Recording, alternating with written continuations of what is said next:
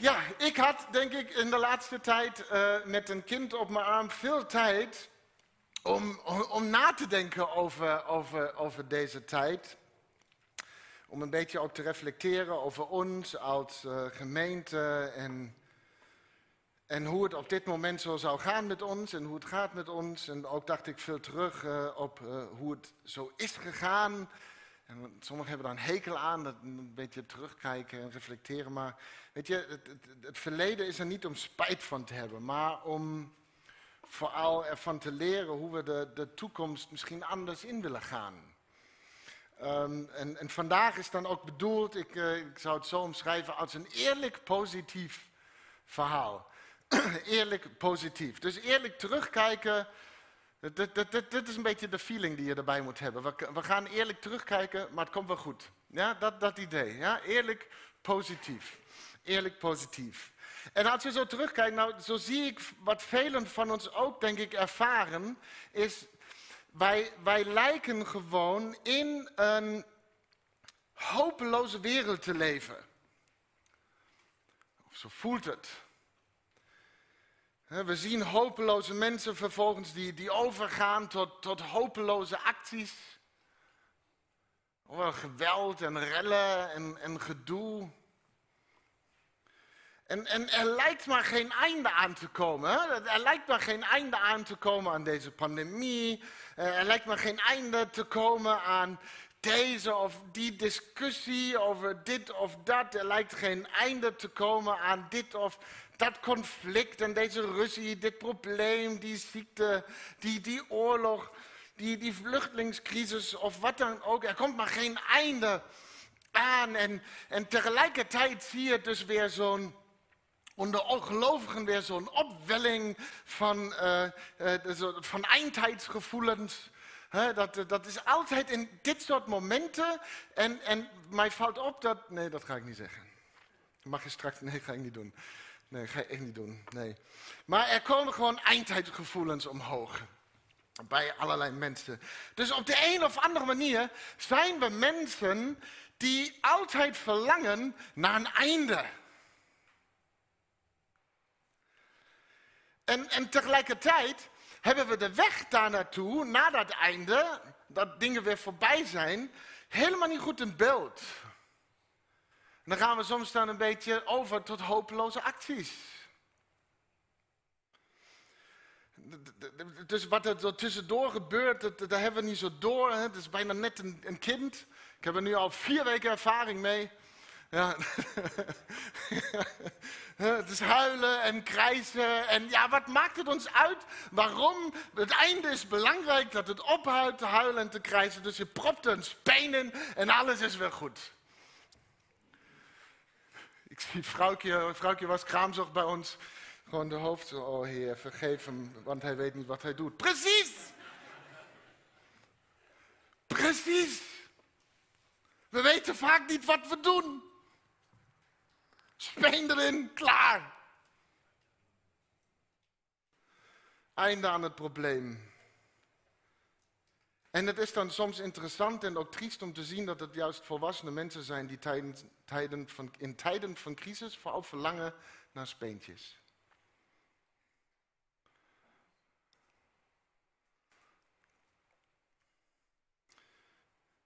Maar weet je, dat lost de hopeloosheid van de wereld niet op. en ook niet thuis trouwens, hebben we snel gewerkt.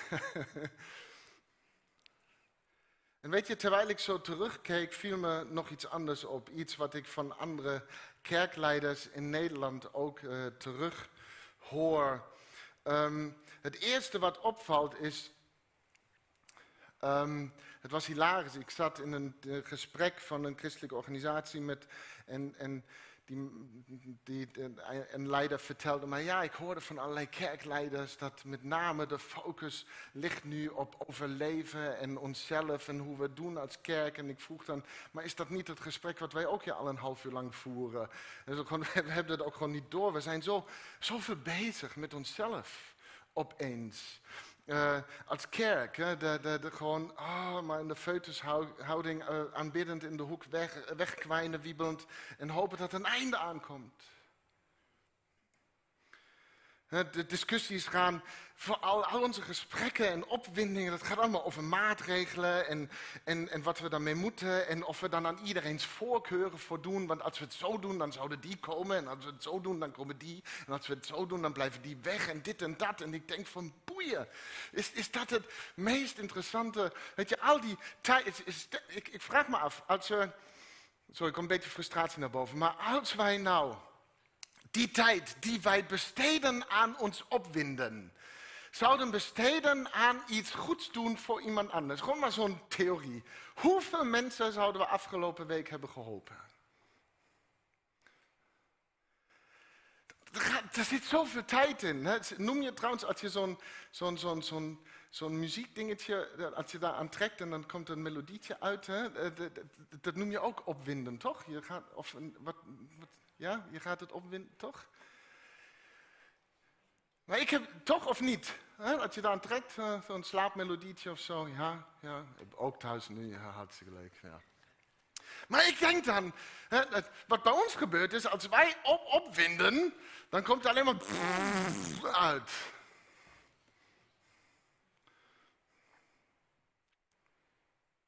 Iets anders wat ik terughoor van allerlei kerkleiders en ook zelf soms ervaar in onze eigen kringen, lijkt dat de hopeloosheid in de kerk lijkt weinig te verschillen met die buiten de kerk. En ik, ik, ik, ik, ik ben niet zo, dus uh, van die verschillen maken, maar voor, voor de sake of the argument even een beetje uh, zwart-wit kijken.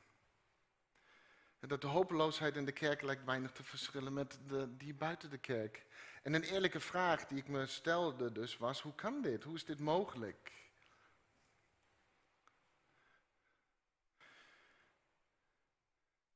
Elke zondag komen we hier, hier en online bij elkaar en zingen we van de grote hoop die Jezus is. We beleiden ons geloof in deze hoop, in liederen, in gebed. We geven onszelf over aan deze hoop. We menen ons afhankelijk te weten van Gods genade.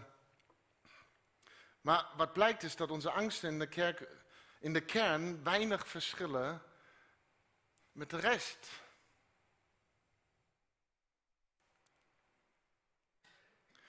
Nog sterker, het lijkt soms alsof gelovigen minder hoop hebben dan niet-gelovigen. Jij blij dat je vandaag bent gekomen? Weer die, dat zwart-wit stellige gelovigen, niet-gelovigen, daar geloof ik niet zo in. Maar ik zeg het maar even zo, zwart-wit. Dat de hoop van gelovigen vaak minder is dan die van niet-gelovigen. Niet-gelovigen proberen er tenminste nog iets van te maken. Terwijl sommige geloven zeggen, oh de wereld gaat toch naar de knoppen, Heer kom spoedig, want het is allemaal zo zinloos en ellendig. Ed noemde dat uh, geestelijke zelfmoordgedachten, Heer kom spoedig.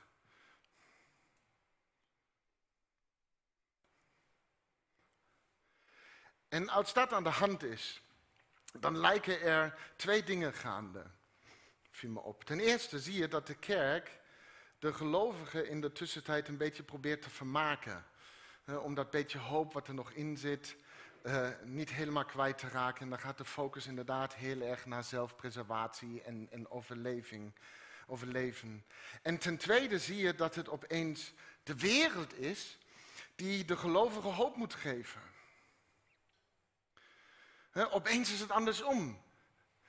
Onze grootste strijden gaan opeens over beleid en, en weet ik veel allemaal wat. alsof, dat, alsof regels, als we het zussen zo doen, alsof dat de wereld fixt. Nou, dan staat een hele oude testament om je te vertellen, dat werd hem niet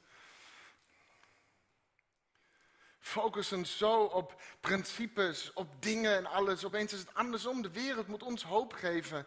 Opeens maken we ons heel erg afhankelijk van alles en nog wat, terwijl we toch de ultieme hoop kennen en hadden kunnen brengen aan de wereld. En laat me even zo'n kanttekening plaatsen. Ik sta achter maatregelen en vaccinaties. Daar is het ook een keer eruit. Dat vind ik hartstikke belangrijk. Maar dit zijn, deze dingen zijn niet onze hoop met een hoofdletter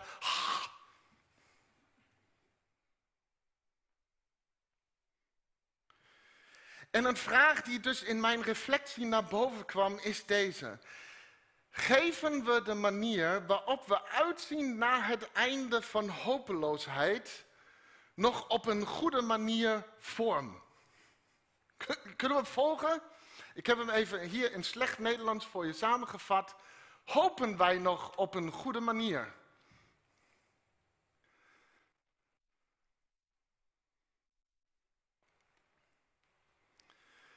He, wij hebben vaak hier over goed liefhebben. iedereen kan liefhebben, maar wij willen het goed doen. En, en, vandaag ga ik het veel hebben over goed hopen. Goed hopen. Want goed hopen is altijd verbonden met een bepaalde manier van handelen.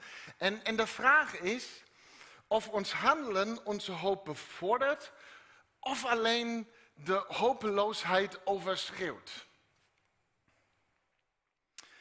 En, en Jezus stelde ooit een heel praktische vraag aan een hopeloos iemand. Of zo leek hij. Dus laten we dat samen lezen. Marcus 10, de versen 46 tot en met 52. Ze, dus Jezus en zijn matties, kwamen in, in Jericho.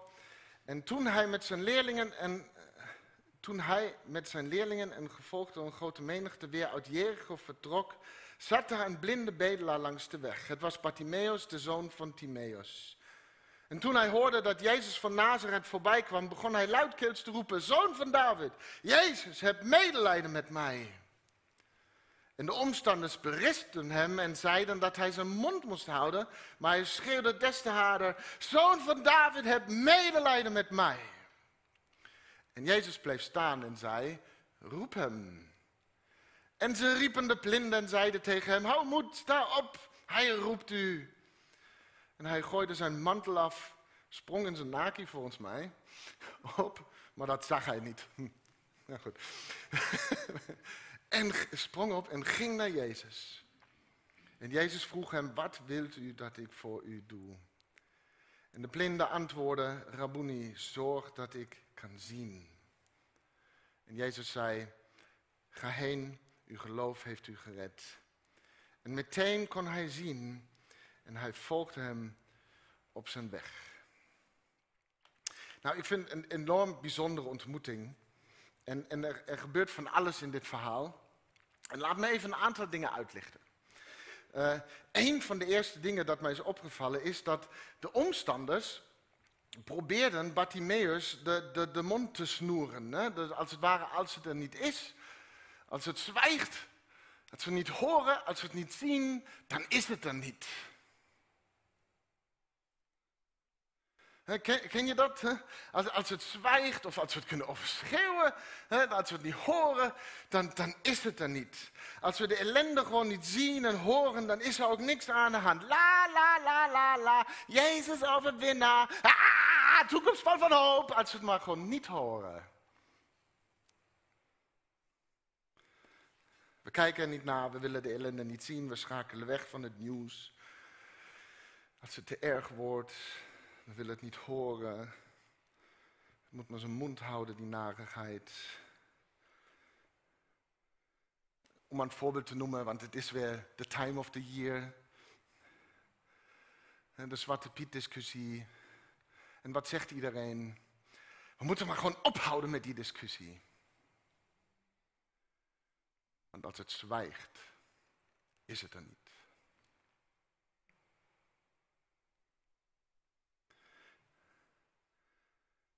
Of dat anderen het zwaar hebben, verstoort gewoon de illusie dat de wereld nog oké is.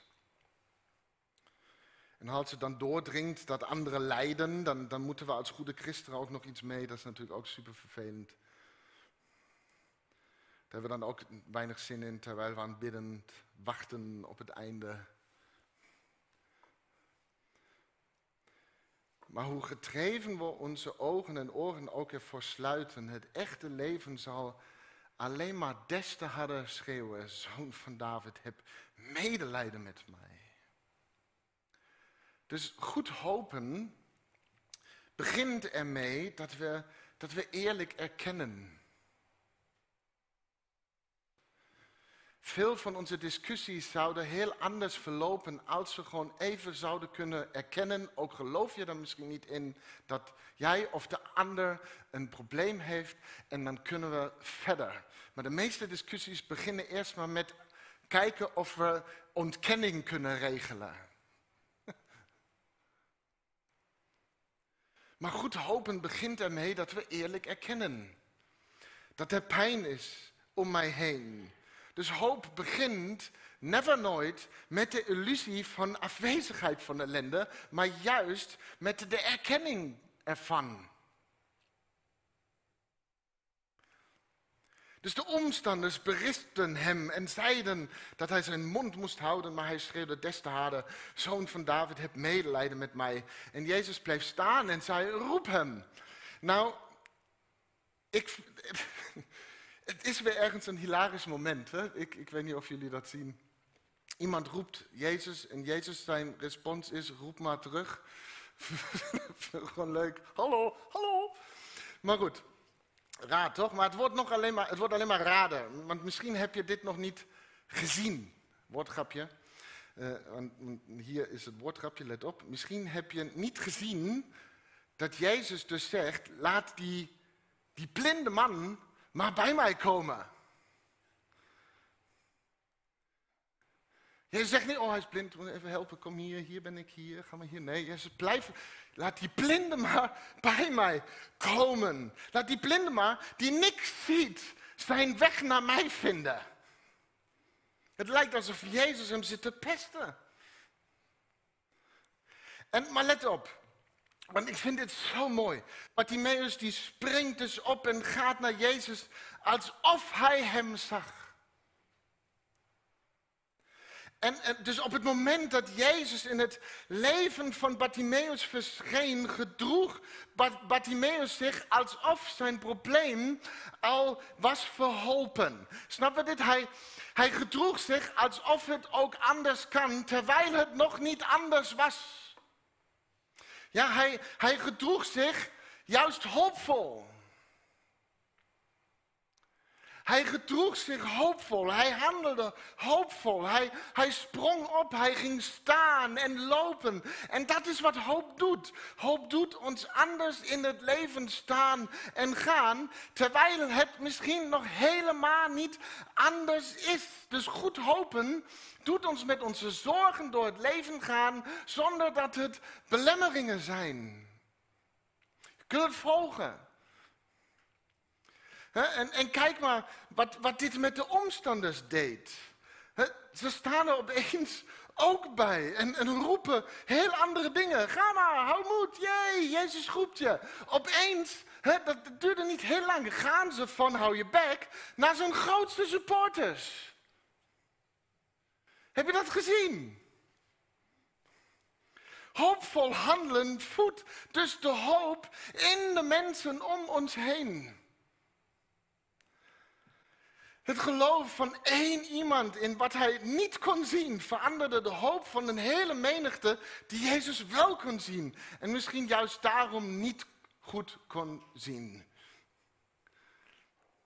Wat Jezus vooral wilde doen.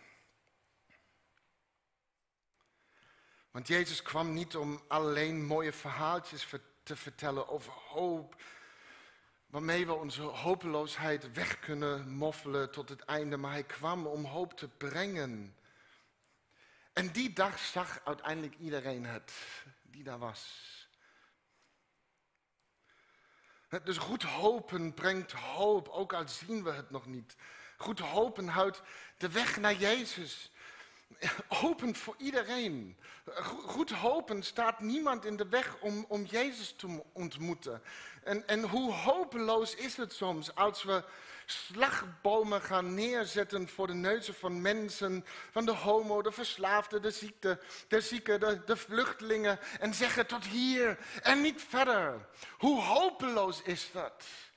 Aan alles vanwege zelfpreservatie, om het systeem kloppend te houden of wat dan ook. Hoe hopeloos is dat? Het is geen hoopvol gedrag. Het is hopeloos. Maar goed, hopen, goed hopen zegt dus altijd weer welkom. welkom, welkom thuis. Kom tot mij, allen die vermoeid en belast zijn. Jezus roept juist hen. Dus laat ze maar komen. Laat het maar gebeuren en, en, en sta niet in de weg. Dus goed hopen kijkt juist daarheen. Waar iedereen wegkijkt en handelt hoopvol. Bij het ethische dilemma, bij ongeneeslijke ziekte, aan de grenzen van onze Europese geliefde Unie.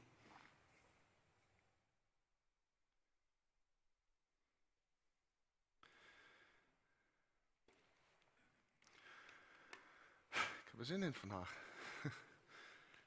Dus de blinde Bartimeus sprong op en komt bij Jezus. En, en Jezus vroeg hem, wat wilt u dat ik voor u doe? Jezus zegt als het ware, ik zie jou hoopvol handelen. Wat, wat, wat kan ik doen? Hoe kan, hoe, hoe, hoe, ik, hoe kan ik meedoen? Op de een of andere manier reageert Jezus juist op hoopvol handelen. Terwijl we wachten dat ik kan alleen maar hoopvol handelen als Jezus een, een, trigger zou geven. En juist Jezus reageert op het hoopvolle handelen van Bartimaeus. Daar wil hij meedoen. Wat wil je dat ik voor je doe? En hij zegt, Rabuni, zorg dat ik weer kan zien. En van Marcus, dat hebben jullie al vaker verteld, van Marcus weten we dat de verhalen die hij zo vertelt altijd meer willen zeggen dan, dan wat ze zeggen. Uh, het, het, gaat niet alleen om een wonderbaarlijk gebeurtenis uh, en een goed verhaaltje, maar Marcus, zijn hoofdboodschap in alles en door alles heen is altijd dat het koninkrijk van God nabij is. En het komt dus in alles ook terug in, in zijn evangelie. Dus de vraag is, als we dit verhaal zo lezen, wat wil Marcus dat wij weer zien?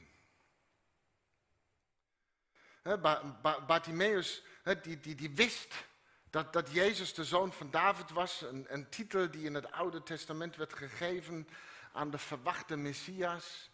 Bartimaeus wist dat Jezus als het ware op de troon van David zou plaatsnemen om, om voor eeuwig te, te, te regeren, zoals Jesaja profeteerde over het koninkrijk van God. Dus in hoe Marcus dit verhaal vertelt en deze titel gebruikt, zien we dat Marcus onze blik stuurt richting het verlangen om het koninkrijk van God te willen zien dat zich steeds verder verspreidt in deze wereld, in dat moment. Dus laat me dit zeggen, goed hopen verlangt naar het koninkrijk van God in het heden. In het, in het nu, in je omgeving, in je wereldje, hoe groot of klein die ook is.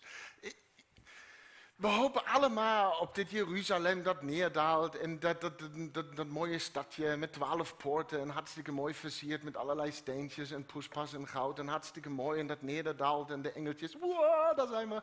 En dat, daar hebben we allemaal zin in. Mooi. Maar goed hopen zoekt eerst het koninkrijk. En alles andere komt wel goed. Vrije vertaling van Matthäus 6, vers 33.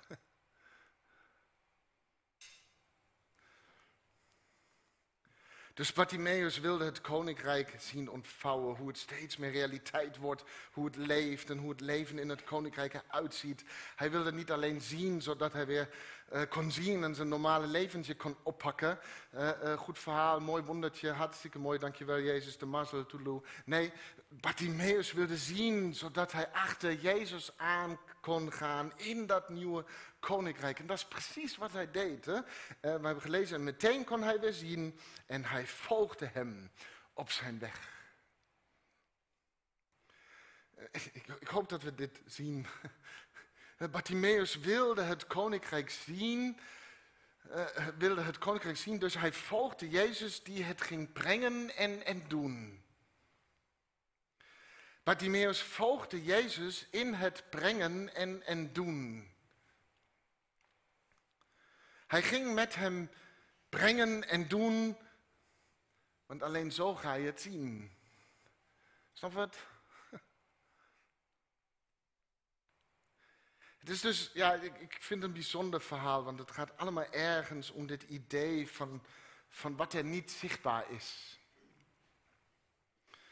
Paulus heeft het hier ook over, over deze hoop van het koninkrijk. Hij, hij schrijft in, in Romeinen 8, versen 24 en 25. In deze hoop zijn we gered. Maar als we echter nu al zouden zien waarop we hopen, zou het geen hoop meer zijn. Wie hoopt er nog op wat hij al kan zien? Maar als wij hopen op wat nog niet zichtbaar is, blijven we in afwachting daarvan volharden. Blijven in afwachting daarvan ons hoopvol gedragen. Paulus zegt dus dat goed hopen leeft vanuit wat nog niet is. Ja?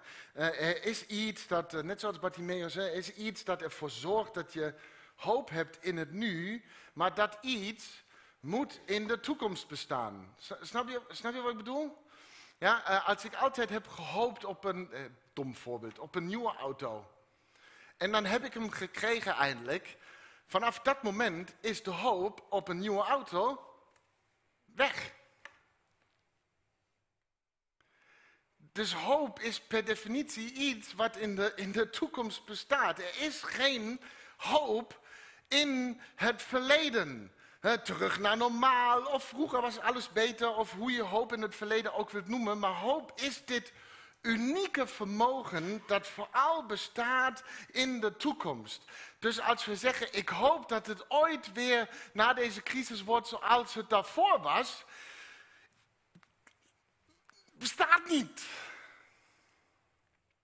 Het zal nooit meer, een stukje eerlijk, eh, positief komt straks, maar eerlijk, het zal nooit meer worden wat het was. Deal with it. De wereld is al veranderd. Sorry.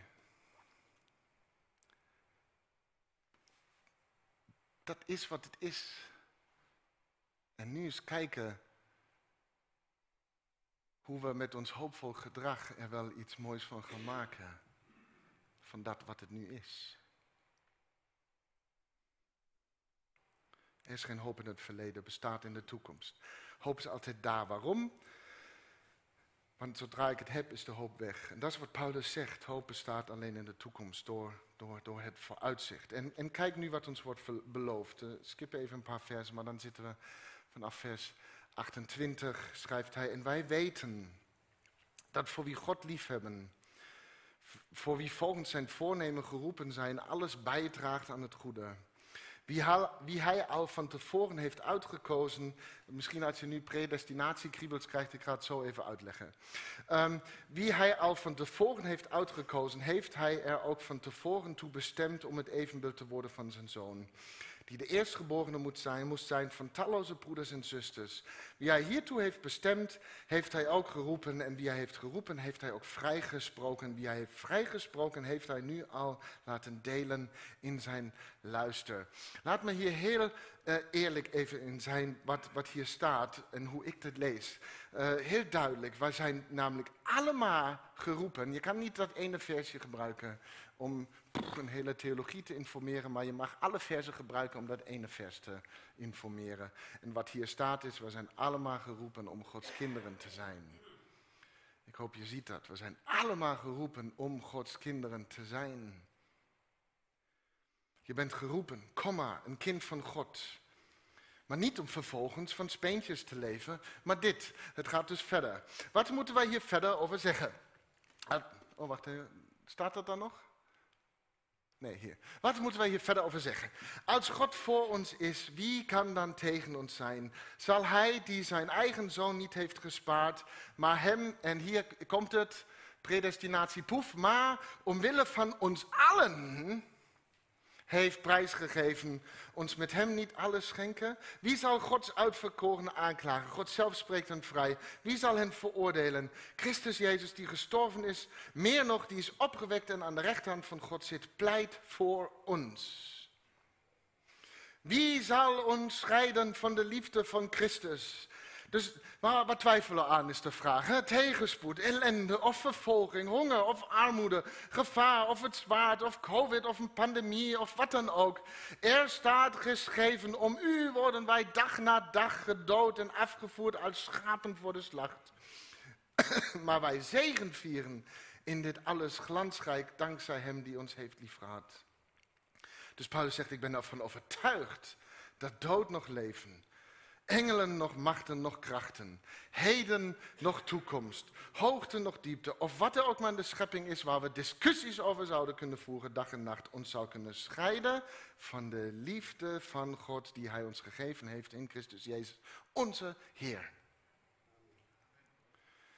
Ik heb hem even niet geschreeuwd, zodat we hem even goed horen. Wat Paulus ons zegt is dat wij de vertegenwoordigers zijn van Gods toekomst hier in het nu. Wij zijn niet het selecte clubje wat hopeloos weg mag kwijnen, maar weet, oh, komt het goed. Wij zijn de vertegenwoordigers van Gods toekomst hier in het nu. Van het onzichtbare daar, hier in het zichtbare. Degene die goed hopen en hoop brengen. En, en dan zal er niets zijn in de hemel en op aarde. Niet in, in het zichtbare of onzichtbare dat God kan tegenhouden om zijn wonderbaarlijk koninkrijk te bouwen. En, en niets kan jou, luister goed, en niets kan jou tegenhouden om nu al met hoop te leven in dat koninkrijk met Jezus. Als koning, die naast God zit en pleit voor jou. Wat wil je meer? Er is niets beters waar je op kan hopen, op vertrouwen, op bouwen. En als het moeilijk gaat, kijk dan naar het onzichtbare en heb hoop. En als je heden bedreigd wordt door pijn, ziekte, verdriet, zorg of wat dan ook, kijk dan naar het onzichtbare en heb hoop. Want niets, niets hier op aarde, zegt Paulus, niets in het zichtbare in je omgeving, niets in het zichtbare in je leven kan je tegenhouden te hopen op het onzichtbare. Jij bent de enige die dat kan doen. Maar alles andere kan dat niet. Jij bent de enige die kan zeggen, ik kijk niet meer.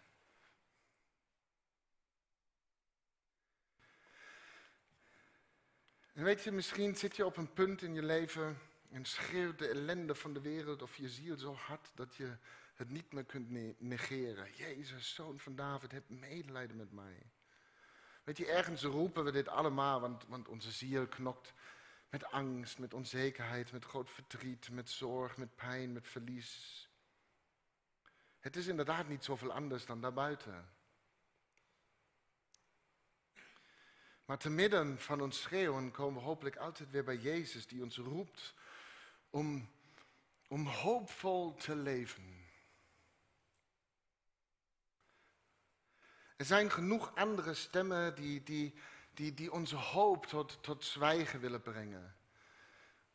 Maar laat me dit zeggen, lieve mensen. Ik hoop dat we weten dat wij een club mensen zijn die zich niet laten neerbuigen. Die, die zich niet laat kleineren. We laten ons niet intimideren. We laten ons ook niet intimideren. We laten ons niet wegdringen. We laten ons niet wegzetten. We laten ons niet de mond snoeren. Want Jezus heeft ons geroepen en en ons deze vraag gesteld. Wat wil je dat ik voor je doe? En ik hoop dat we met z'n allen zeggen, wij willen zien.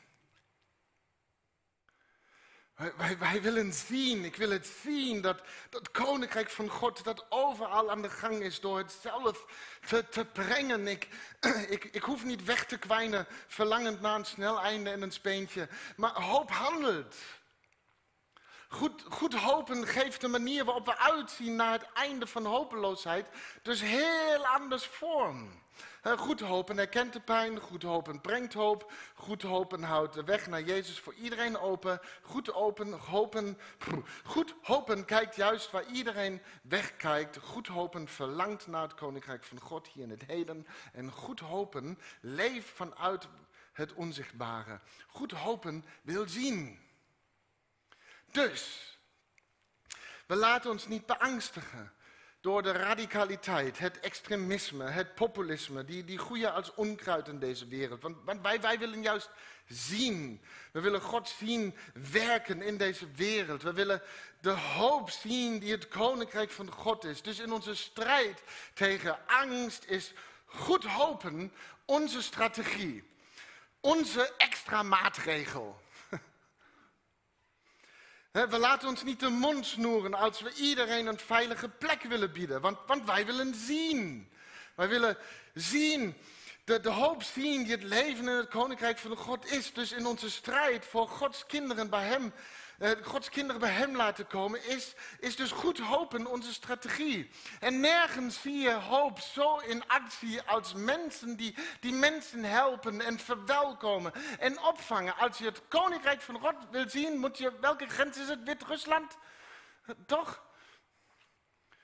Ga daar maar een weekje heen. En wees koninkrijk.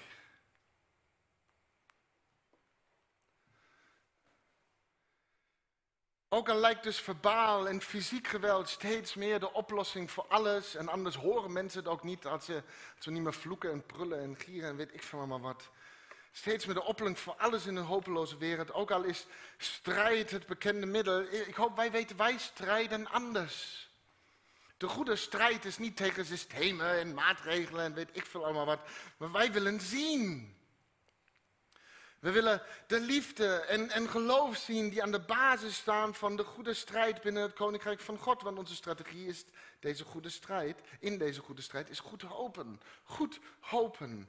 We laten ons ook niet bedwingen door onzekerheid ook al dreigen we aan alle kanten ons, ons houvast te verliezen en zien we hoe sociale stabiliteit, politiek evenwicht en, en zekerheid en gezondheid verdwijnen. Misschien zien we ook nu hoeveel een afgod het was geweest in ons leven allemaal. Maar wij willen zien, andere dingen zien. We willen de hoop zien die Jezus op de troon is en zal zijn. Dus in onze strijd tegen onzekerheden is goed hopen onze strategie. We laten ons niet beroven van het leven, de hopeloosheid. Ook al dreigen we te verliezen aan deze kant van de eeuwigheid, ook al gaan we gebukt onder pijn, ook al is lijden het enige ons nog bekende gevoel, ook al is verliezen een harde realiteit van ons heden, wij willen zien. We willen zien, de hoop zien die het koninkrijk van God nu al is. Want in onze strijd tegen de onvoorspelbaarheid van het leven is goed hopen onze enige strategie. En ik ben vandaag dus niet hier om ons een beetje, om ons een beetje geestelijk te vermaken. Met, met wat speentjes. Maar om je te laten weten, goed hopen is onze strategie in de strijd. Want hoop is dit onzichtbare, ondoorgrondelijke, onoverwinnelijke, onweerstaanbare, onvoorwaardelijke, onverwoestbare mysterie van Gods koninkrijk. We zien het niet altijd, maar we leven er al in. En het zal overwinnen. Want Gods liefde is realiteit en heeft altijd het laatste woord. Tenzij jij iemand anders ook nog laat kletsen. En vertel dat maar dus door. Heer, wij, wij willen weer zien. En een laatste gedachte. Wat ik dan interessant vind aan, aan, aan deze schreeuw om medelijden van Bartimaeus is dat het de enige keer in het Marcus-evangelie is dat iemand Jezus met, met deze messiaanse titel, zoon van David, aanspreekt. Bartimaeus wist dus heel goed met wie hij te maken had, terwijl hij hem niet zag. Hij wist heel goed wie Jezus was. Hij zag hem niet, maar hij wist wie hij was. Hij zag hem niet, maar hij wist wie hij was. En misschien zie jij hem niet altijd maar ik hoop dat je altijd mag weten met wie je te maken hebt. Hij is onder andere de eerstgeborene van heel de schepping. Hij is licht van de wereld. Vredevorst. De zoon van God. Het woord van God. Grondlegger en voltooier van ons geloof. Brood des levens. Goede herder de weg, de waarheid en het leven. En de koning der koningen. En hier komt nog misschien de mooiste omschrijving. De alfa en omega. Het begin en het einde. Naar hem verlangen we dan ook altijd. Amen.